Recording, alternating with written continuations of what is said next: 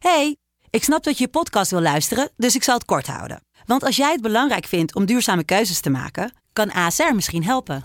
Nou hoor ik je denken, hoe dan? Nou, bijvoorbeeld bij het duurzaam herstellen van schade. Of de premies die we beleggen volgens ons duurzaam beleggingsbeleid. Dat bepaalt waar we wel en juist niet in investeren. Wil je meer weten over welke duurzame keuzes ASR maakt? Ga dan naar asr.nl slash duurzame keuzes. ASR doet het. Zo, dan kan je nu lekker naar je podcast luisteren. De overgang. 85% van de vrouwen tussen 45 en 60 jaar ervaart overgangsklachten. Klachten die kunnen leiden tot een verkeerde diagnose of langdurige arbeidsongeschiktheid. Wat kun je doen als je overgangsklachten ervaart? Hoe maak je dit bespreekbaar op je werk? En als jouw medewerker bij jou komt, wat kun je als werkgever dan doen? Sector Instituut Transport en Logistiek heeft een kennisplatform ontwikkeld waar jij terecht kunt voor tips en adviezen. Wil je er meer over weten? Kijk dan eens op stl.nl/slash overgang. De stroom.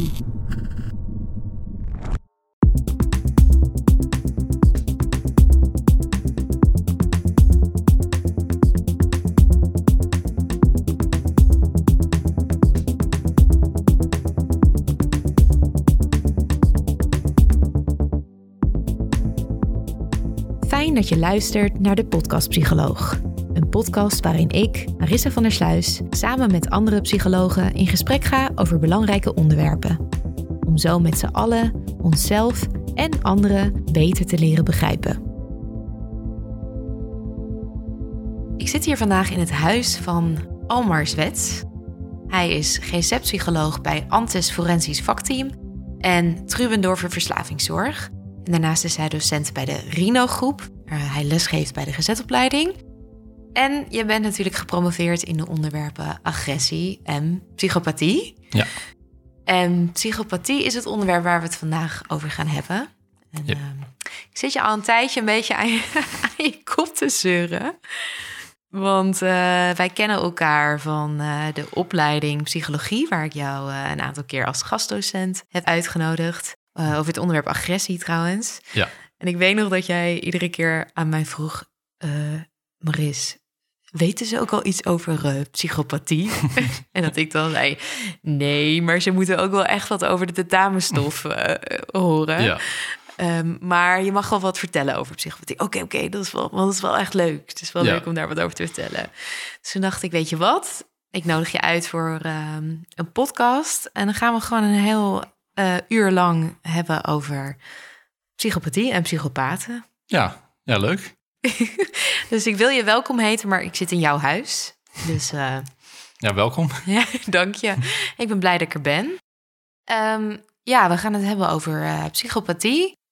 Ik denk dat heel veel mensen wel een idee hebben van wat psychopathie is. Of er gaat bij heel veel mensen wel een soort eh, belletje rinkelen. We horen er veel over in van die crimi-podcasts en crimi-series tegenwoordig. Volgens mij is het super populair. Ja. Heb jij enig idee hoe dat, hoe dat komt, dat het zo Ehm, populair is? Nou, ik denk dat het toch wel een soort ja, spannend onderwerp is. Het, is natuurlijk, het heeft eh, vaak, vooral in de media, is een directe lijn met agressie. Dat is aan de ene kant klopt dat ook wel. eh, maar aan de andere kant is het ook zo dat het, het hoeft niet per se met eh, een psychopaat hoeft niet per se agressie te vertonen. Ehm, maar wat je vaak ziet, vooral in series en ook, op, eh, nou, ook gewoon in de media, is toch dat je dan ziet de, de, ja, de moordzuchtige psychopaten. Ja. En bedoel, agressie, het is eigenlijk helemaal geen leuk onderwerp. Ik bedoel, niemand wil met agressie te maken hebben. Aan de andere kant is iedereen ook wel geïnteresseerd in agressie. Ja, iedereen Eh, vindt het zo smeuig. ja, klopt. En het, het, eh, je ziet het in, in tv-series, films, maar wat ook met sport. Ik bedoel, als er op het voetbalveld geknokt Ja. wordt, dan, ja, dat, dat trekt ook heel veel mensen. Ehm kickboksen is heel populair. Dus een bepaalde vor- vorm van agressie, ehm, ja, het, het, is toch op een bepaalde manier is het boeiend. Mhm. Terwijl het aan de ene kant helemaal niet leuk is. Nee, Maar toch is het een, een boeiend onderwerp. En psychopathie is daar weer aan gelinkt. En ik denk, spanning maar eh, misschien ja, klopt. En ik denk een dat beetje naar op zoek de, zijn. ja, en de psychopaten die je dan ziet bijvoorbeeld in films of Mhm. eh, in series zoals Dexter. Ja. Ja. dat zijn juist die psychopaten die extra creepy zijn of interessant zijn. Ja, en, en daardoor juist zo boeiend zijn, Ja. denk ik. Ja. En jij werkt natuurlijk in het forensische veld. En eh, jij komt daarbij denk ik veel in aanraking met daders die strafbare delicten eh, hebben gepleegd. Ja. Eh, en dat wordt dan vaak weer gelinkt ook aan psychopathie. Of dat nou wel of niet zo is, dan komen we dan straks wel op. Ja. Maar ben, ben je nou in je carrière veel met psychopaten, om het zo maar even te noemen, in aanraking geweest? Ehm, in de TBS sowieso wel. Daar, ja, het is toch wel een, een, een, percentage is wel psychopaat daar. En ik heb eh, redelijk wat onderzoeken gedaan naar psychopathie. Dus ik heb het ook onderzocht bij, uh, bij de TBS-gestelden. Um, en ook op de uh, ambulante afdeling, het vakteam waar ik werk, heb ik wel vaak vermoedens. Maar daar meten we het niet. Maar ik heb wel ja, regelmatig dat ik denk van dit kan, hier kan wel echt sprake zijn van een hoge mate van psychopathie. Ja. Kan je eens een voorbeeld noemen van wat je dan ook voelt in zo'n interactie? Mm, nou, je, je, wat ik uh, denk ik vooral voel is, nou sowieso uh, bepaalde delicten, dan zit je al sneller te denken aan psychopathie. Vooral de, ja, zoals ze het noemen, instrumentele agressie. Dus niet zozeer vanuit boosheid, maar meer de agressie om een bepaald doel te bereiken. Dan ga je al nadenken van... Ja, het berekenende. Dat is vaak best wel koelbloedig. Dus uh, mensen die eigenlijk een gezond ja, geweten hebben... die worden daardoor geremd door dat geweten... waardoor ze bepaalde delicten niet kunnen plegen. Bijvoorbeeld als een, een, een overval. Uh, aan de andere kant is het ook zo... bijvoorbeeld drugsgebruik ook toe kan leiden... dat je over die grens heen gaat. Of, of de, de drang om drugs te gebruiken. Dus het hoeft niet gelijk psychopathie te zijn. Maar als je dan bepaalde verhalen leest van ja, echt hele koelbloedige delicten... dan ja, gaan er wel een soort alarmbellen af. Um, nou, en, wat, je, wat je heel erg merkt in het contact is... Um, een van de factoren die vaak voorkomen bij psychopaten... is ook het manipulerende, dus het manipulerende gedrag. Je krijgt wel een soort band met iemand... maar het voelt niet als een, een echte band. En het is heel subtiel, dus het is denk ik wel... Je, je voelt het niet heel snel. Het is niet dat het echt heel erg op de voorgrond staat. Um, maar als je bijvoorbeeld langer contact hebt met iemand, uh, diegene gaat steeds meer bepaalde privileges vragen. Je, je, ben, je bent geneigd bijna om erin mee te gaan. Dan merk ik, althans, dat merk ik dan bij mezelf en denk: hé, hey, hier gebeurt wat. En dan zou er wel onder, ja, zou er sprake kunnen zijn van psychopathie. Ja. Maar dat is slechts één van de kenmerken. Maar dat is wel iets, als je met de echte psychopaten spreekt, um, is dat wel iets wat me vaak opvalt. Toch het hele vriendelijke aan de ene kant. Ja. Maar aan de andere kant, soms ook in sommige gevallen dat je ook soms wel eens bang kan zijn dat iemand boos wordt. Oh um, ja, dat je een beetje op je tenen gaat lopen. Ja, dat ah. inderdaad. Oh ja. En dat, toch ook even af en toe wordt gevleid of zo. Is dat, ja. ja. Ja, dus dat je aan de ene kant denkt van nou, dit hier, je krijgt wel een soort band met iemand, een soort oppervlakkige band. Maar aan de andere kant moet je ook op je tenen lopen dat je denkt van nou, als ik, een, als ik je niet tevreden stel, dan, ja, dan word je boos en dat wil ik ook niet. Maar het verschilt heel erg per psychopaat. Maar als ik nu aan een aantal denk, dan wat ik me kan herinneren vanuit de TBS, als ik er nu aan terugdenk, is me vooral dat opgevallen. Dus dat uh, bijvoorbeeld, uh, ik had één iemand die wilde dan altijd op de, uh, de sportbaan, dat is buiten, wilde hij altijd wandelen met mij. Um, ja, dat is eigenlijk niet gebruikelijk bij therapie. Hij had dat één keer voorgesteld, van laten we een keer gaan wandelen, want ik vind het hier binnen niet prettig. Nou, toen dacht ik van ja, ik vind het best, ik ga, ik ga met je mee. -hmm. De keer erop wilde die het weer. En voor je het weet zit je eraan vast. En als je dan zegt van nee, we gaan hier therapie, want dit is de, of hier gaan we uh, therapie-sessie uitvoeren want, voeren, want dat is de manier hoe we werken. Ja, dan zijn ze teleurgesteld en dan krijg je die irritaties. Dus je merkt dan eigenlijk dat je... Op dan soort, slaat de sfeer ineens om. Ja, en op een subtiele manier word je eigenlijk ja, gemanipuleerd. Dat je ze bijna tevreden wil stellen. ja, maar hoe heb je ja. dat dan opgelost? Uh, ja, destijds was dat toen was ook een beetje het begin van toen ik daar werkte. En dan met supervisie. Dus dat een supervisor eigenlijk zegt van... hé, hey, gaat dat wel goed? Ja, uh, jij liep elke dag het bos met iemand... terwijl je dat helemaal niet meer wilde. ja, dus ja, nou, je gaat wel steeds over die, die cirkelbaan lopen dan. Wordt, ja. Uh, en ik vond het ook niet heel erg. Maar op een gegeven moment dacht ik wel... ja, dit is niet zoals het hoort. Dus je gaat dan jezelf dingen afvragen. Ja, wel goed dat je het opmerkte. Ja, maar ook met destijds ook met die supervisor die me daarop wees. Maar en wat ik, wat ik merk als je dat langer in het veld zit en je wordt daar wat meer, ja, je let er wat meer op. Um, dat je wel probeert strakker die regels in de gaten te houden. En uh, ook als iemand privileges wil, dat je dat gewoon eigenlijk strak moet houden. Mm -hmm. En dat is ook vaak de behandeling in de TBS, ook heel veel begrenzing. Dat die mannen begrenzing nodig hebben. Maar de psychopaten zijn er vaak wat, uh, wat handiger in. En, ja. ja. ja. Oké, okay, dus dat was wat je, wat je zelf hebt ervaren daarin. Ja. En um, zou je voor de mensen die eigenlijk niet zo goed weten wat het nou inhoudt en er misschien wel af en toe van horen, kunnen uitleggen wat we nou als psychologen verstaan onder psychopathie? Ja, um, ja, psychopathie is eigenlijk, ja, ze noemen het een construct of een, um, nou eigenlijk een soort samenleving van persoonlijkheidseigenschappen met uh, interpersoonlijke beperkingen, affectieve beperkingen en gedragsbeperkingen. Interpersoonlijk wil zeggen hoe je in het contact bent met andere mensen. Dus heb je juist dat manipulerende bijvoorbeeld, maar ook het, uh, nou ja, het, het, het, gladde praten. Dat is ook zo'n kenmerk van een, uh, van een psychopaat. Wat houdt het dan in? Want ik heb daar niet meteen een gevoel bij, het gla gladde prater. Heb je daar een voorbeeld van? Ja, een gladde prater is eigenlijk iemand die dus hele grote verhalen heeft. Um, en, en, en dat echt heel overtuigend ook kan brengen. Maar eigenlijk ook met, met weinig inhoud. Dus het is, het is allemaal heel interessant. Uh, maar het blijft een soort oppervlakkig. Dus op een, een, soort oppervlakkig niveau. Maar het is wel iemand die eigenlijk heel uh, amusant kan vertellen. Maar ook bijvoorbeeld om bepaalde dingen heen kan draaien in zijn verhaal. Ja, dus die kan het verhaal zo presenteren dat het voor hem of haar het beste uitkomt. Ja, klopt. En, en ook mensen... op een hele amusante manier ook, waardoor hij ja. goed uit de verf komt. Ja, dat is echt echt mensen inpakken. Ja, oh ja. Ja, dus die kan uh, ook, ja, ze zeggen wel eens net als met een soort autoverkoper die een slechte auto kan verkopen. Misschien moet je daar een beetje aan denken. Ja, precies. Um, echt een charmeur ook. Uh. Ja. En wat nog meer? Ja, het manipulerende. Ja, manipulerende. Dus echt dat uh, mensen eigenlijk gewoon, ja, de soort grip op krijgen op mensen en een, uh, ook een bepaalde kant op, op dwingen. Dat zie je ook heel veel in relaties. Ze dus, gebruiken om een bepaald doel te bereiken. Ja, klopt. En dat zie je vaak ook in relaties met uh, psychopaten. Dus dan is bijvoorbeeld ook hun partner. Dat, ja, ze zorgen ook dat diegene bij hun blijft. Maar ze hebben echt volledige controle dan over hun, uh, over hun partner. Hoe ziet dat er dan uit? Wat ze vaak doen is dan... Um, ze gaan over de grens van de partner. Ze kunnen ook bijvoorbeeld agressief zijn naar hun partner toe. Uh, maar ze zorgen er ook voor dat de partner niet bij hen weggaat. Dus manipuleren bijvoorbeeld op een manier van... nou, zonder mij ben je, uh, ben je nergens. Uh, je hebt mij nodig. dat soort... Ja. Bijvoorbeeld op financieel vlak of op andere vlakken. Ja. Dat iemand zich echt afhankelijk voelt van ja, maar dan psychopaat. Ook, ja, klopt. Maar dan ook... het hoeft niet eens waar te zijn, maar zo overtuigend... dat eigenlijk het slachtoffer ja, dat hij helemaal in de greep van de psychopaat is. En ja, dat hij eigenlijk de psychopaat ook gelooft en dan daar maar in, in, in meegaat. Ja. Dus dat zijn echt de kenmerken op het relationele ja. vlak. Zijn er nog meer kenmerken? Ja, het, het affectieve, dus het emotionele gedeelte.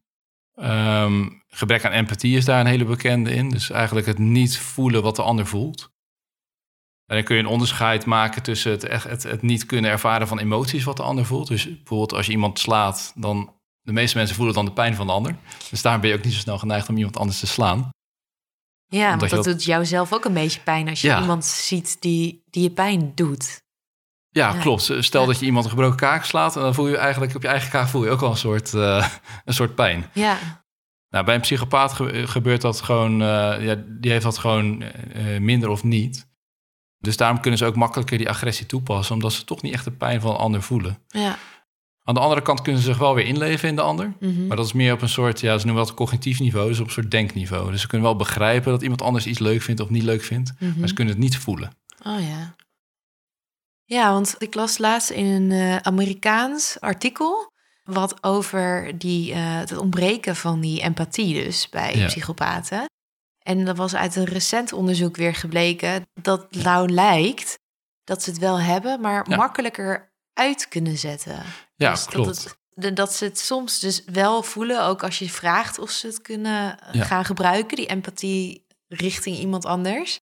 Ja, Maar net zoals artsen af en toe even hun empathie kunnen uitzetten als ze bijvoorbeeld iets pijnlijks moeten doen ja, bij hun patiënten, kunnen zij, als ze dat niet kunnen gebruiken, dat zij, er, dat, zij dat zien eigenlijk, de pijn van de ander, dan switch je dat als het ware eerder uit dan de, bij normale mensen. Maar eigenlijk is het een soort extreme vorm van wat we als normale mensen soms ook doen, dat we ons even afsluiten. Vond Ja. heel interessant, want daardoor wordt het niet zo... Ja, maar dan zijn ze toch wat dichter bij ons dan, Ja. weet je wat dan, wat we willen geloven. ja het, het lijkt erop alsof het bij hun standaard uitstaat, bij Ja. psychopaten, en dat ze het aan kunnen zetten inderdaad. Met, die- met die taakjes hebben ze dat onderzocht en zie je echt dat die hersengebieden ook actiever worden. Terwijl inderdaad bij de gemiddelde gezonde persoon dat het standaard aanstaat empathie, maar dat je het op sommige momenten uit kan zetten. En bij artsen is het inderdaad een goed voorbeeld. Ik bedoel, als je iemand gaat opereren en die komt te overlijden en je maakt dat meerdere keren mee, dat dat soort situaties eh, zich voordoen, bijvoorbeeld bij een spoedeisende hulparts, ja, dan hou je je baan nooit vol. Dus je moet een soort afstand kunnen bewaren, ook empathisch. Precies, ja, het kan Ehm, ook functioneel zijn, alleen... Ja, en bij psychopaten lijkt het dus uit te staan. En dat is sowieso er met een soort aandachts, ehm, ja, aandachtsbias noemen ze dat. Dus een soort stoor, ehm, een verstoring in de aandacht. Mhm. Dat eh, ook bij negatieve emoties zie je dat ook bij psychopaten. Als bijvoorbeeld iemand een huilend, als ze een huilend gezicht zien of een, een pijnlijk gezicht, eh, dan herkennen ze dat minder goed dan niet-psychopaten. En dat is ook een beetje die link die wordt gelegd met empathie. Dat ze het eigenlijk ook, ze hebben ook minder aandacht voor. Maar als ze de aandacht echt op moeten focussen, als ze die opdracht krijgen, dan, eh, ja, dan kunnen ze het wel. Ja, Ja, op groepsniveau dan hoor. Dus het is de vraag of ze het allemaal kunnen. ja, ja. Maar als je het met groepen gaat vergelijken en je geeft een groep psychopaten de, de opdracht, dan, eh, dan zie je wel de eh, duidelijke positieve effecten. Ja, vond ik wel een bijzondere bevinding. Ja, en heel recent eigenlijk nog. Ja. En het had ook iets, er is ook iets met de angst, toch? Dat ze daar Ja, eh, wat, wat minder van voelen. ja, over het algemeen wel. Je ziet Mhm. dat vooral bij mannelijke psychopaten, dat die angst eh, sterk verminderd is. Bij vrouwelijke psychopaten lijkt dat wat minder te zijn, dat die wel wat meer angst voelen. Eh, maar inderdaad, de angst is ja, wel eh, eh, eh, minder bij, bij psychopaten, die, die echte angstreactie. En ook de schrikreactie. Die zijn een soort vertraagd en, en, en kleiner. En zou dat daar ook mee te maken kunnen hebben dat ze wat minder moreel besef hebben? Omdat om als kind ook te leren wat goed of fout is, moet je misschien ook wel het effect voelen van bepaalde straffen. En op een gegeven moment Ja. ook een beetje bang worden dat je, ja, dat je straf krijgt door je Ja. gedrag. En dat je daardoor ook niet zo goed leert. Heeft dat daarmee te maken? Jazeker, dat is, een heel, eh, dat is heel vaak aangetoond bij psychopaten, ook het, het leervermogen. Dus dat je ziet dat ze, ze zijn heel erg gericht op positieve beloning. Maar de negatieve, de straffen, daar zijn ze eigenlijk eh, ja, bijna ongevoelig voor. Oh, ja. ja. En dat zie je dus ook in de, in, in, als ze ouder worden. Die, die leermomenten die, die komen dus veel minder aan. En dat wordt ook vaak toegepast in de behandeling. Dus dat je gaat kijken hoe kun je ze, nou ja, dat ze positieve doelen hebben in plaats van het straffen. Want dat werkt toch niet. Oh, Ehm, ja. Maar, het is, maar daar gaan ze ook vaker in de fout. Eh komen ze ook veel meer met criminaliteit in, in aanraking. Mhm. Ehm, ze merken die straffen gewoon, eh, die voelen ze gewoon veel minder. Ja, dus daar zit ook, ook iets in eh, de beleving van angst. Vooral dus Ja. bij de mannelijke psychopaten. Ja. vrouwelijke dus minder. We gaan het straks ook nog even over Ja. mannen en vrouwen hebben. Zijn er nog andere kenmerken die... eh, Ehm, ja, je hebt dan ook nog de gedragskenmerken. Dus wat je echt ziet in het gedrag van psychopaten. En dan kom je toch weer een beetje eh, in de buurt met het, eh, de agressie bijvoorbeeld. Of het criminele gedrag. Maar wat wel belangrijk is om te weten is dat dat niet per se hoeft bij psychopathie. Zoals het in de forensische psychiatrie wordt gebruikt, wordt het altijd meegenomen. Het is een belang- belangrijk onderdeel. Maar veel eh, ja, recentere boeken gaan er ook over juist de psychopaten bijvoorbeeld in het bedrijfsleven. Of gewoon de psychopaten die helemaal niet met justitie in aanraking komen. Ehm, maar het is wel zo dat nog steeds het, de psychopaten hebben natuurlijk een sterk verhoogde kans om met justitie in aanraking te komen. En dat zie je dus ook ehm, op, op die factoren. Dus aan de ene kant heb je de gedragsfactoren die echt te maken hebben met ja, criminaliteit. ehm, eh, ook wel impulsief gedrag waarmee je dus ook onder andere schade kan berokkenen aan jezelf of aan, eh, aan anderen. mhm. Wat zie je dan bijvoorbeeld aan Ehm, ja, impulsief gedrag vaker bij psychopaten? Nou ja, om echt bij, om erop te scoren volgens de psychopathie handleiding, zoals gemeten wordt, Mhm. moet je eigenlijk op meerdere gebieden moet je impulsief gedrag laten zien. En eh, dus eigenlijk gedrag waar, waarbij je dus niet nadenkt over de gevolgen. Ja, Dat is eigenlijk de definitie van impulsiviteit. Dus je doet iets en daarna denk je van, ja, was het handig of was het niet handig? Maar je hebt het eigenlijk al gedaan. Ehm, en bij psychopathie, wat je eigenlijk wil, eh, of wat, wat een, een kenmerk is, is dat het op meerdere gebieden gebeurt. Dus bijvoorbeeld ook met geld uitgeven, bijvoorbeeld stoppen met werken terwijl je nog geen andere baan hebt. Ehm dus allerlei van dat soort situaties, van dat Mhm. soort keuzes, ja. Eh, die achteraf... relaties vreemd gaan bijvoorbeeld. Ja. Omdat je daar op dat moment zin in had en niet nadenkt over Ja, de relatie die je nog had lopen. ja, bijvoorbeeld inderdaad. Ho- hoewel dat ook veel voorkomt onder niet-psychopaten volgens mij. Ja, Maar inderdaad, bij, ja, bij, bij psychopaten zie je wel ook vanwege de hersenen... dat het impulsief, ja, eigenlijk die remming, die is gewoon wat minder. mhm. Zie je gewoon dat ze die keuzes eh, sneller maken... en dan niet nadenken over de gevolgen. En dat kan op verschillende gebieden zijn. Dus ja Maar dat, ook moet, dat met- moet dus ook op verschillende gebieden zijn voordat je echt kan zeggen: dit is een Ja. kenmerk waaraan iemand voldoet. ja, klopt. Want, want eigenlijk heel veel kenmerken van psychopathie... We, we, in, in, die, ehm, in het meetinstrument om het te meten heb je twintig kenmerken. En eigenlijk heel veel kenmerken van psychopathie voldoen heel veel mensen aan. Voor impulsiviteit, het is bijvoorbeeld een onderdeel van ADHD. Nou, er zijn heel veel mensen in Nederland die. ADHD hebben, maar Ja. die absoluut geen psychopaat zijn. Nee.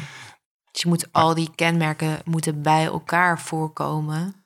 Ja, klopt. En ik bij mezelf herken ik ook wel een aantal dingen. Ook dat ja, impulsiviteit. Ik heb ook wel wat impulsieve. Ik heb ook wel eens dingen waarvan mijn vriendin denkt van waarom heb je dat gekocht?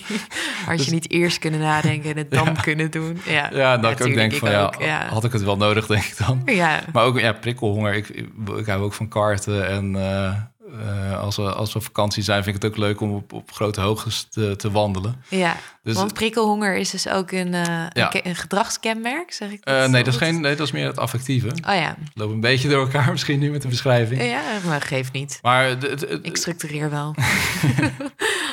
Ehm, maar, maar je ziet wel, ja, prikkelhonger is dan wel een kenmerk. om daar nog even op verder te gaan. Maar het is wel een wat, ja, die ook bij heel veel mensen voorkomt. Gewoon dat het, die gewoon wat sensatie, die dat leuk vinden. Ja, en dat is ook prima, toch? Je hebt mensen Ja. die hebben, er, hebben dat niet en mensen die hebben dat wel. En het is maar goed ook, Ja, toch? Dat, dat, Ja, dat er mensen zijn die dat hebben, Ja. anders ontdekken we ook nooit wat. nee, klopt. Dus, dus, en dat is met heel veel van die kenmerken. Sommige zijn echt schadelijk, zoals eh, kenmerken als criminele gedragingen of gedragsproblemen in de jeugd. Dat is ook zo'n kenmerk. Terwijl andere kenmerken ehm, ja, soms ook wel redelijk ja, normaal zijn. Ja. Zijn er nog andere gedragskenmerken?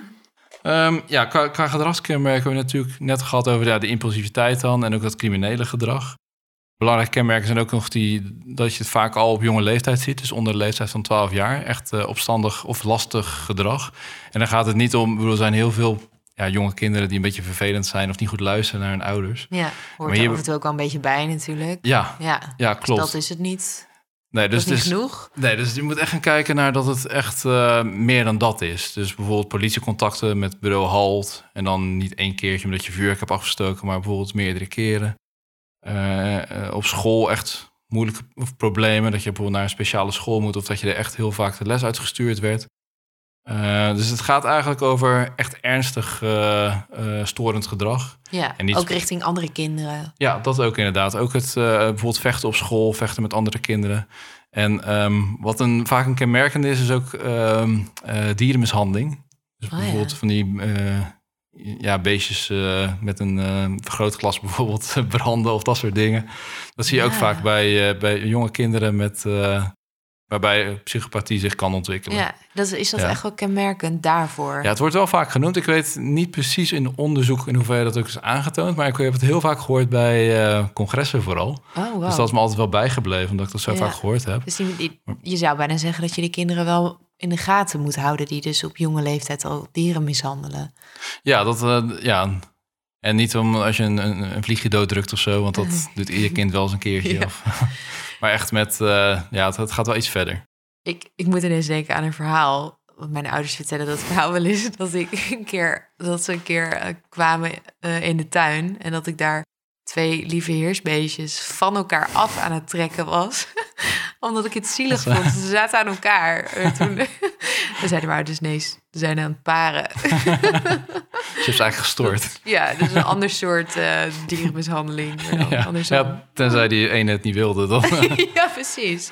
dan Ja. heb, je, ze heb je ze geholpen inderdaad. Geholpen, precies. Oké. Ja, nee, maar het gaat echt. eh, en wat, je, wat je ook ziet bijvoorbeeld met honden en katten, dat soort. eh, en wat, er in, wat ik nog weet van dat congres, wat ik me herinnerde, is eh, bijvoorbeeld ook met straathonden. Dat zie je natuurlijk veel in Amerika, die straathonden. Als, als bijvoorbeeld kinderen, althans, of, of jongeren, daar Mhm. met eh, bijvoorbeeld straathonden daar dingen mee gaan doen, eh, die eh, bijvoorbeeld doden of verminken.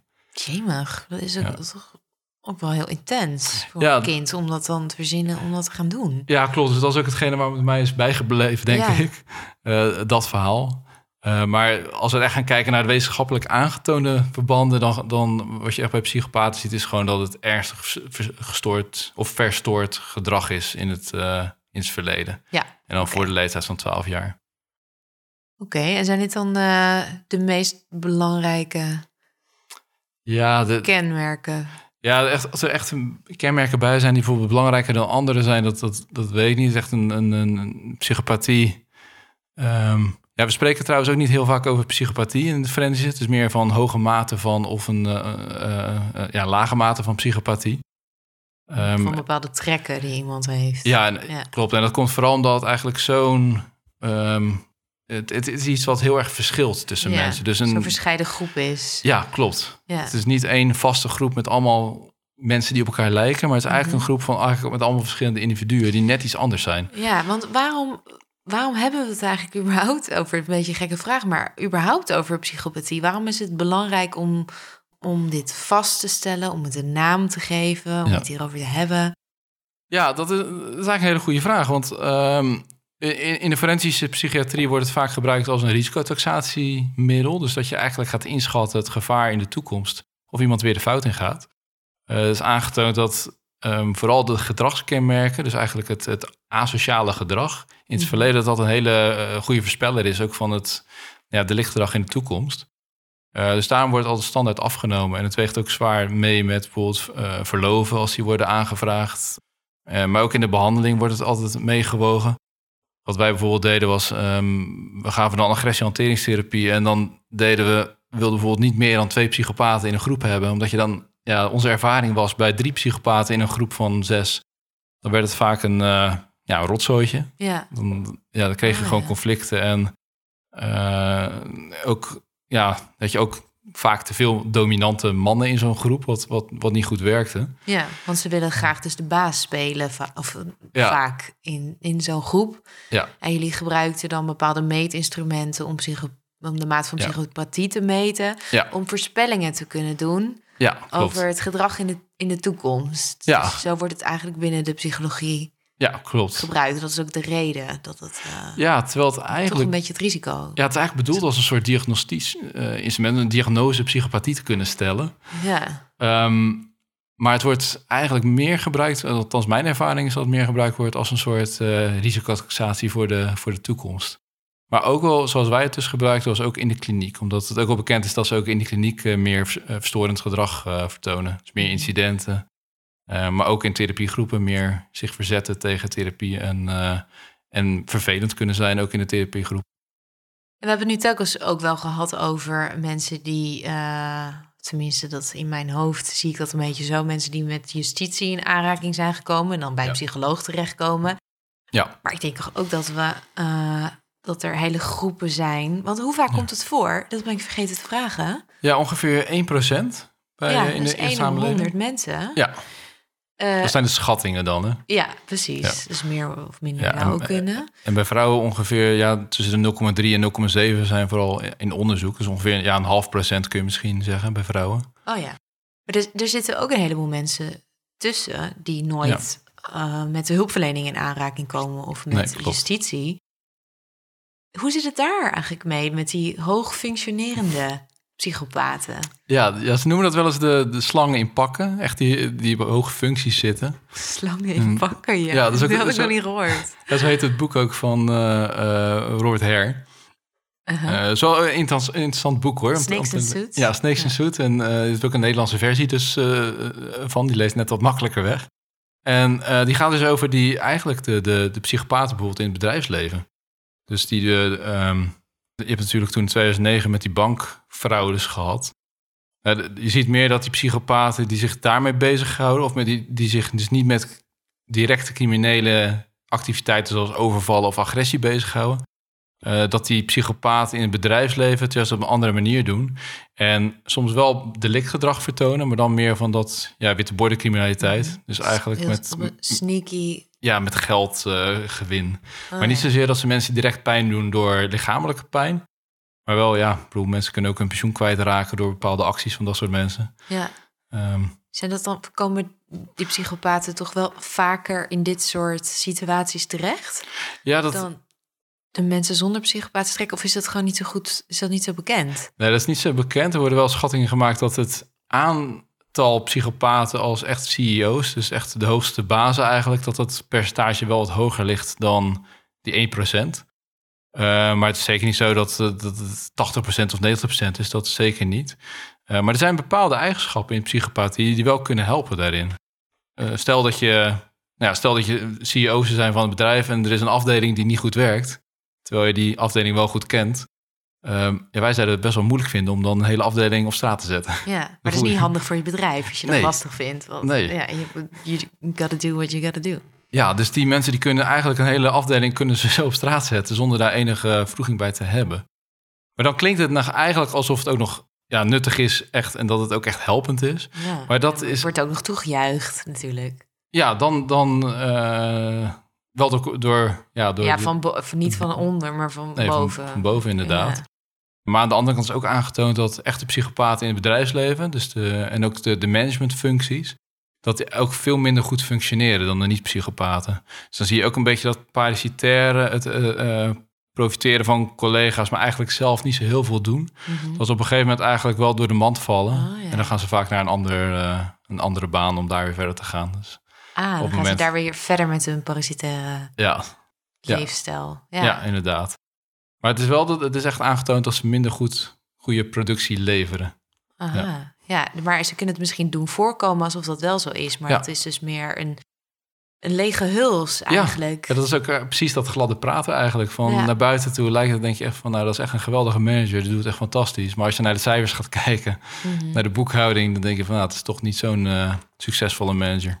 Lijkt me geen ontspannen leven. On- Nee. Maar mi- misschien door door het verminderde gevoel van angst... zijn ze er ook niet zo Ja. bang om door de man te vallen... wat, ja, dat, wat anderen dan wel hebben. Maar het, Ja. het lijkt me niet een... Ja, geen, on- ja, geen, geen ontspannen leven. Ik kan het gewoon niet anders zeggen. Nee, nee, dat, dat, lijkt mij ook niet. Eh, maar misschien is dat ook, dat is ook een van, ja, dat past ook weer bij psychopathie eigenlijk. Dat het, eh, ze voelen zich minder snel schuldig, hebben minder snel spijt van dat soort dingen, maar hebben ook minder snel last eh, van dat soort dingen. Terwijl er ook onderzoeken zijn die aantonen dat ze er wel last van hebben. Dus het is niet eenduidig, het Mhm. onderzoek niet één kant op. Eh, maar over het algemeen lijken psychopaten wel minder last van te hebben. Ja, want in, op welke manier zouden ze er wel last van kunnen hebben? Ik bedoel, het is natuurlijk in de forensische setting is het logisch. Dan, dan zijn mensen met justitie in aanraking Ja. gekomen... en dan moeten ze misschien veranderen, terwijl ze dat niet willen. Maar eh, merk jij wel eens dat ze zelf ook eh, er last van hebben? Van hun eigen Ja, psychopathische trekken? Ja, ik heb het wel een paar keer meegemaakt. Ook met ehm, gekrenkte cliënten met hoge mate van psychopathie, zo moet je het eigenlijk noemen. Dan zie je wel dat ze er echt last van hebben dat ze bijvoorbeeld niet een bepaalde baan aan kunnen houden of geen relatie kunnen vasthouden. Of eh, inderdaad heel de tijd dan eh, naar een ambulante setting moeten om daar therapie te gaan volgen elke week. Waar ze Ja. dan ook geen zin in hebben. Nee. Ehm, dus, dus in die zin merk, heb ik al een paar keer gemerkt dat mensen wel zeiden van ja, ik loop hier echt in vast. En ehm, ik heb bijvoorbeeld één keer gehad een, een, een man die best wel veel oplichtingspraktijken deed. Dus die dan, eh, die was heel vaak opgepakt voor oplichting. Die deed het ook op een hele sluwe manier, maar die werd wel vaak gepakt. Dus je deed het in eerste instantie heel goed, maar Mhm. uiteindelijk was al- werd hij altijd opgepakt. Ja. Ja, en die, die zei wel van ja, ik, ik kan het eigenlijk niet tegenhouden. Het is bijna een soort automatisme. En dat is een van de weinigen eh, die, er echt, die het bij me aangaf van ik heb er echt last van. En we Ja. toen dat psychopathieonderzoek hadden we ook gedaan en dat kwam er ook echt uit bij hem. Maar meestal is het zo dat ze het meer buiten zichzelf leggen, is mijn ervaring. En dat ze ook dat hele psychopathie-stuk, dat ze daar niet heel Niks erg... van willen eh, weten. misschien. nee, dat ook niet. Nee. Soms ook als een belediging zien. Maar aan de andere kant klinkt het ook alsof ze het dan ook moeilijk vinden om iets op te bouwen. Eh, Ja, En telkens eigenlijk weer terugvallen in een bepaald patroon. En ja dat zelf ook irritant en lastig vinden. Ja, klopt. Er zitten eigenlijk te veel kenmerken in om een, ja, gewoon een, een rustig leven op te bouwen. Ik Ja. bedoel, die neiging tot bepaalde gedragingen, ook de neiging om boos te worden, kan ook een kenmerk zijn. Of, of het gebrek aan controle eigenlijk over de boosheid. Ja, dat zijn wel van die kenmerken die het gewoon het leven wel lastig maken. En als je dan ook nog een bepaald automatisme hebt in dat manipuleren en een hele sterke neiging daartoe hebt, dan... eh, ja, dat is wat je ja. kent en wat altijd Ja. voor je heeft gewerkt. ja, klopt. Eh, maar op lange termijn brengt het je dan misschien niet wat je, wat je hoopt. Nee, nee, klopt. Dat, dat, eh, maar dat hoor je niet vaak hoor van psychopaten. Althans, ik heb het heel weinig eh, gehoord. Het is heel kwetsbaar. Ehm, ja, ja, en ook iets. Het is misschien ook een beetje dat ja, het buiten zichzelf leggen van spijt, schuldgevoelens. Dat, dat, En de oorzaken van problemen. ja, dat ook heel erg. Ja, dat is ook een, een echt een veel voorkomend kenmerk. Ja. Ja. Of dat je door pech gepakt bent. Oh ja. Dat is ook een, vind ik soms wel een hele interessante. Zeggen ze ja, eigenlijk eh, had ik gewoon pech dat ik gepakt was. Maar ik hoor hier niet te zijn. Nee, dus ze hebben meer spijt van dat ze, zijn, dat ze zich hebben laten Ja. pakken dan van de, van de daad, zeg maar. Ja, klopt. En nog even terugkomen op wat je net zei. Je zei dat er, je noemde wel een lager percentage vrouwen. Hoe zit dat dan eigenlijk bij vrouwen? Hoe lopen, hoe, hoe lopen die dan vast?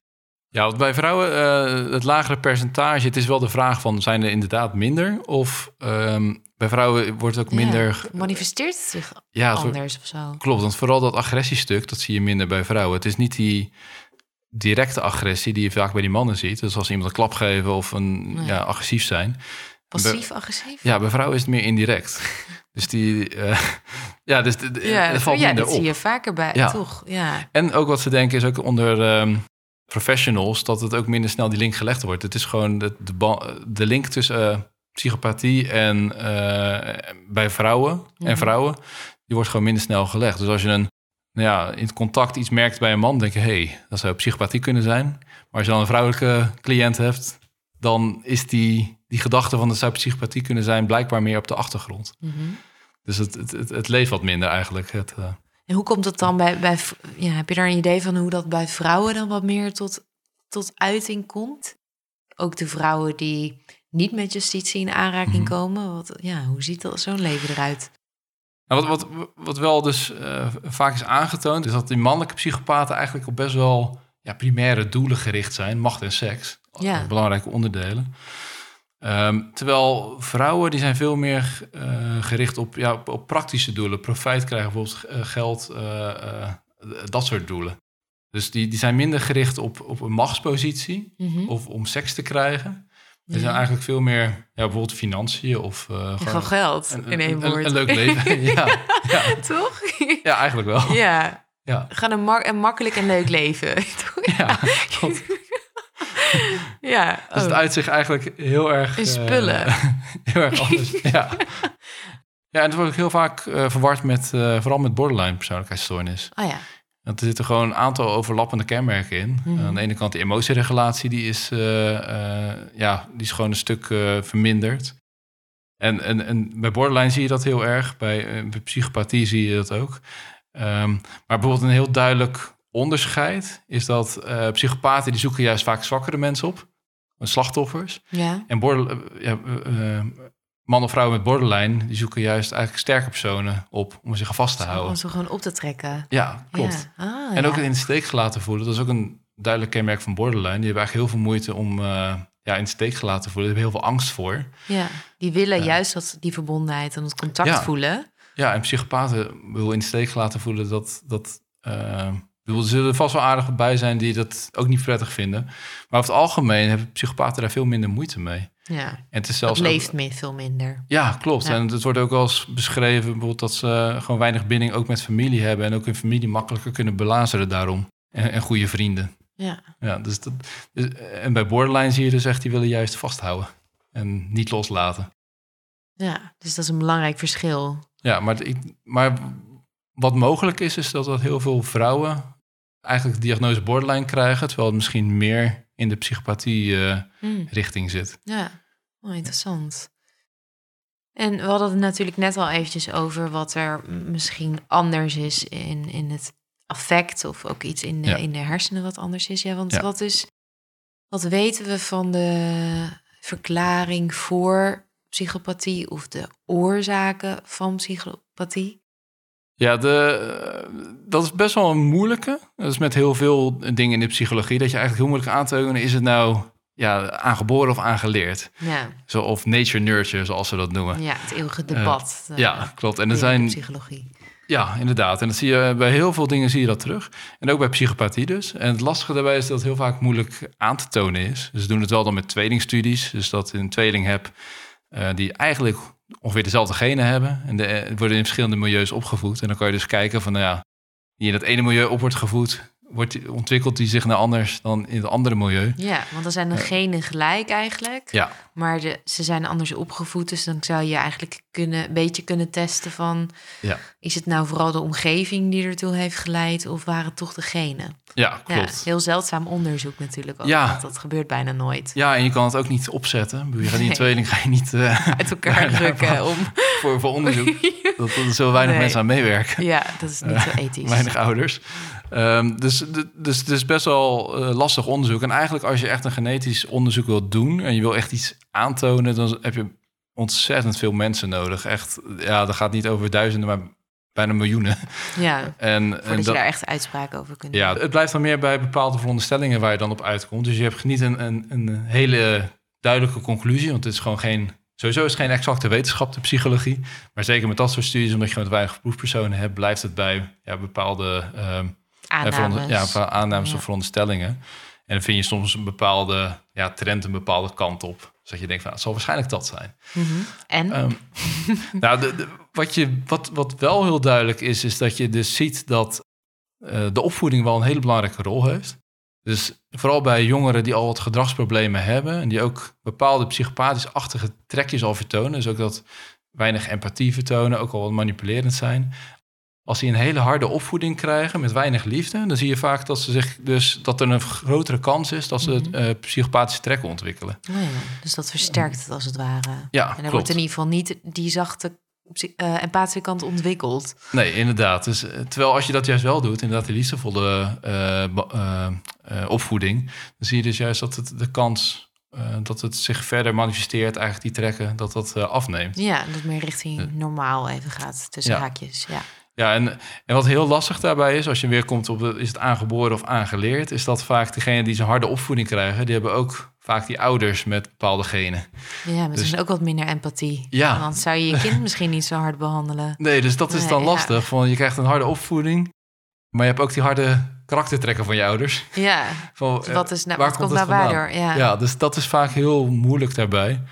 Ehm, dus dan weet je eigenlijk niet precies waar het, waar het vandaan komt. En qua interventie zie je dus ook dat heel vaak gericht wordt naar opvoeding. Omdat bij jeugdigen al ja, dat warme, de warme opvoeding, om dat aan te bevelen. En daar ehm, die ouders ja, eigenlijk gewoon een soort eh, ja, therapie in te geven. Mhm. Maar een van de ja, grootste problemen daarin is dat die mensen er vaak niet op zitten te wachten. Dus dat het, eh, Die ouders niet. ja, Oh, ja. Dus dat Ja. wil je eigenlijk al op een jonge leeftijd bijsturen door middel, ja, via die ouders. ja, Maar die willen dat dan niet. dus dat mislukt dan. ja, dat, Ah, ja. En dat is ook het lastige sowieso met als je antisociale mensen wil bijsturen. Als je asociale mensen wil bijsturen, dan eh, die hebben vaak geen zin in, in, in- daar, die daar geen zin in. Oh nee, Terwijl de mensen die er wel zin in hebben, die zijn Die hebben sociaal. problemen niet. Die- nee, nee, precies. Die, die wilden al meedoen Ja. aan, eh, aan de rest. Ja. dus het, het is allemaal op papier is het allemaal best wel mooi dat je denkt van nou dat zijn de therapieën die, die je dan bij de jeugdigen kunt aanbieden. Mhm. Maar in de praktijk is het eh, ja we lopen gewoon tegen dingen aan die het lastig maken. Ja, ja want hoe, zit, hoe zit dat met behandelingen? Zijn er behandelingen? Ja, dus, er worden wel wat behandelingen ontwikkeld voor psychopathie. eh, maar tot nu toe is er niet echt een behandeling waarbij echt psychopathie kan genezen. Nee, Dat, eh ehm dat, dat bepaalde voor- niet om te bereiken. Nee, dat, en dat nee, zit te veel eh, nee, in, de, in- ja, in de persoonlijkheid verweven. Ja, in principe is het een soort lifetime diagnose waar je je hele leven last van hebt. Ehm, maar het is zeker niet zo dat ze niet behandelbaar zijn op probleemgedrag. Nee. Dat niet. Terwijl dat Nee. eerst wel werd verondersteld. Ja, En interferentie is nog steeds heel erg heerst onder veel eh, Ja, therapeuten. zo wordt het dan niet eens geprobeerd. Terwijl Nee, het is klopt. wel echt een moeite waard om Ja, op die risicofactoren te zitten. En eh, Ja. bedoel je dan bijvoorbeeld dat, eh, dat agressieve delicten wel Mhm. kunnen worden verminderd door Ja. zo'n behandeling? ja klopt. Ja, En voor- aan de impulscontrole Ja, bijvoorbeeld in. Ja, impulscontrole, eh, agressief gedrag om te kijken of alternatieven in sociale vaardigheden bijvoorbeeld.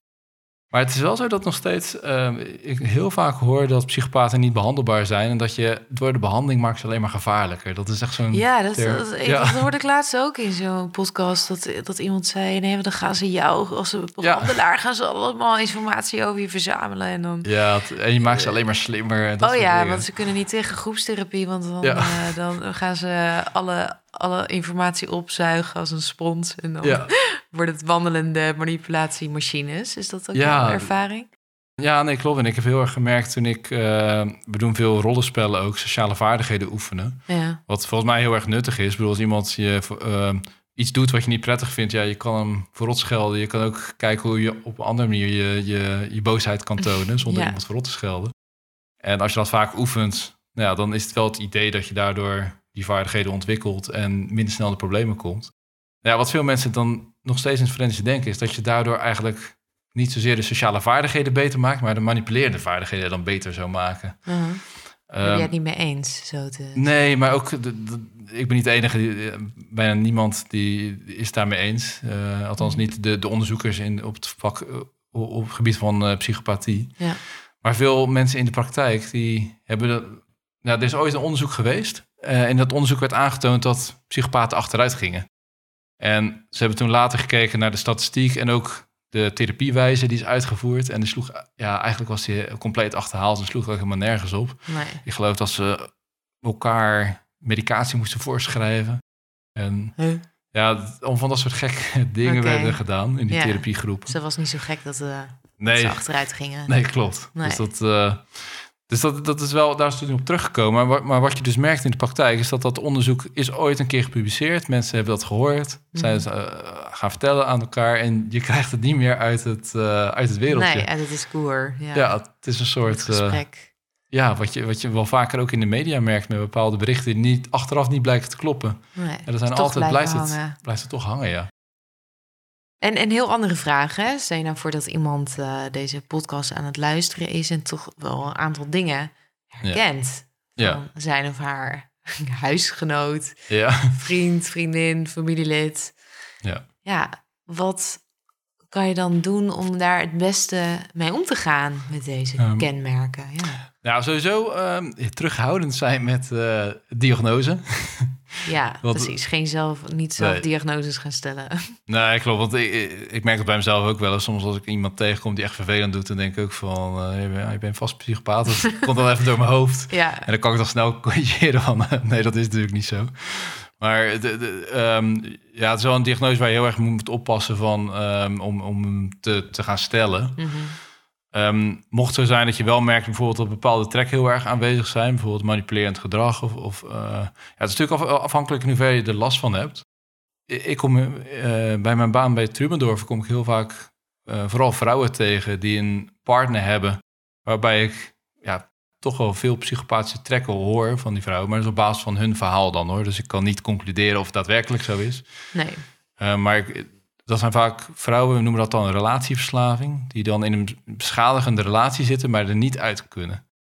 Ehm, dus eigenlijk, die worden in vast worden gehouden op een soort manipulerende manier, maar ook op een manier, ja, op twee manieren. Aan de ene kant heel vlijend, Mhm. dus oh, je bent geweldig en eh, Ja. blijf nou bij me. Ze krijgen precies genoeg om, ja, om erbij te blijven. Ja, maar aan de andere kant zijn ze heel bang van, ja, ik moet niet weg bij hem gaan, want hij kan zo boos worden. ja.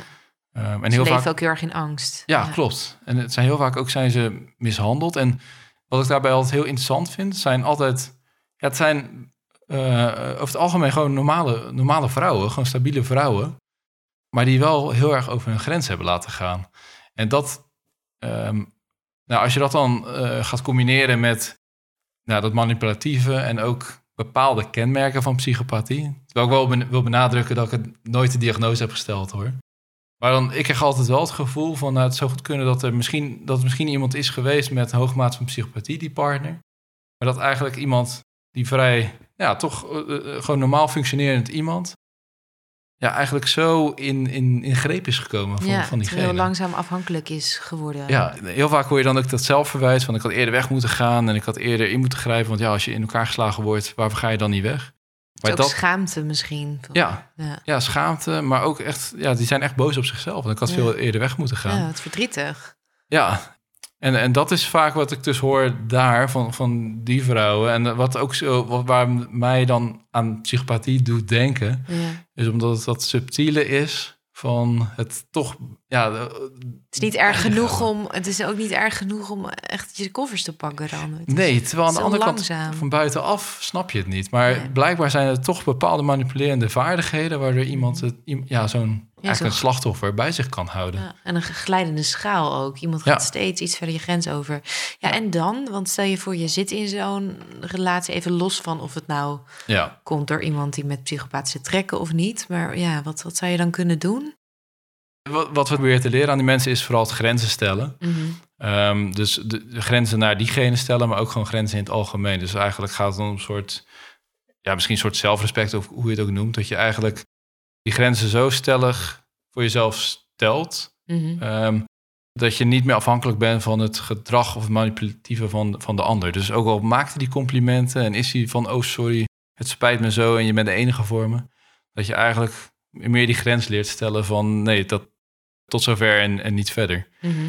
Ehm, en als het echt om psychopathie gaat, is het gewoon, ja, dan, dan is, dat, eh, is dat juist dat, dat moeilijke om die grens te stellen. En soms heb je daar gewoon wel een hulp van iemand anders bij nodig. Maar het hoeft niet per se een therapeut te zijn hoor. Het kan ook een vriendin zijn dat je Ja. met diegene bespreekt. iemand in vertrouwen neemt. En- Ja. Ja, en dat je daar, eh, dat voor sommige mensen zou dat waarschijnlijk ook eh, genoeg kunnen zijn. ja. Maar mocht je echt merken dat je erin vast blijft zitten en dat je echt last hebt van, van diegene, dan, ja, dan zou je professionele hulp kunnen zoeken. Ja. Alleen het is wel iets, misschien spreek ik mezelf een beetje tegen, omdat ik er juist heel erg van ben van zoek niet te snel professionele hulp. Want ik denk dat mensen heel veel zelf kunnen oplossen. Absoluut, ja. Dus eerst in je eigen netwerk kijken of, je, of er Ja. iemand is die je in vertrouwen kan nemen, waar je kan praten, die met je mee kan denken. Ja, klopt. Hoe je hè, wat, misschien weer wat meer voor jezelf kan opkomen voor je eigen behoeften. En, En- pas als dat niet lukt, Ja, en dan, eh, is er altijd hulp. ja, klopt. Maar eigenlijk leert gewoon om helemaal afstand te nemen van iemand en die grenzen echt duidelijk te stellen. Ja. Wat, wat we eigenlijk doen in, eh, in de behandeling, begrenzen, dat is eigenlijk ook wat je dan moet doen. Dus als iemand, net als parasitaire levensstijl, als iemand alleen maar nou ja, steeds langskomt en eh, je, je, je hele koelkast leeg eet en drinkt en dan geeft nooit iets terug, ja, dan moet je eigenlijk die grenzen ook gaan aangeven. Dus het is eigenlijk, Ja, en het liefst vanaf het begin.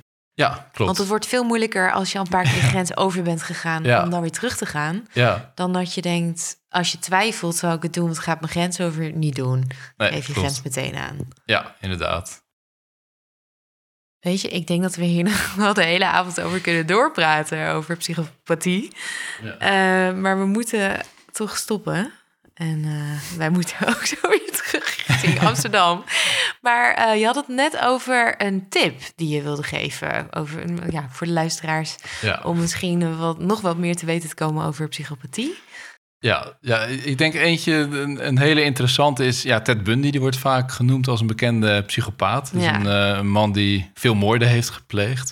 Maar daarnaast ook... Ja, Heel bepaalde- charming Ja. uiterlijk ook. Ik ging hem ook opzoeken. Ik dacht, Ja. oh, het is echt... Ja, en ook eh, als je hem in filmpjes hoort praten en ziet praten... dan is het best wel een... Ja, ja, het is, eh, bijna een vriendelijke kerel als je hem zo hoort praten. Terwijl hij de meest gruwelijke moorden heeft gepleegd. Ja, En ehm, op, op Netflix... Ja, soms worden die films eraf gehaald, soms komen ze er weer bij. Maar in ieder geval... ja. moet nu- even in de gaten houden. Ja, er staat in ieder geval, nu staat er een documentaire op over eh, Ted Bundy. Mhm. Dan zie je ook echte beelden van hem en zie je hem ook praten. En, eh, maar ook tegelijkertijd eh, beschrijven ze ook alle dingen die hij gedaan heeft. En je ziet hem ook bijvoorbeeld hoe hij dan ja, zelf als advocaat in de rechtbank voor zichzelf, eh, zichzelf verdedigt. En dat is super interessant om, om te zien. En naast die documentaire is er ook een film over gemaakt, over Ted Bundy. En die vond ik ook verrassend goed eigenlijk. Oké, hoe Ja. heet hij? Ehm, even kijken. Die, ja, Oh, Ted, Ted Bundy. ja, In je zoekbalk.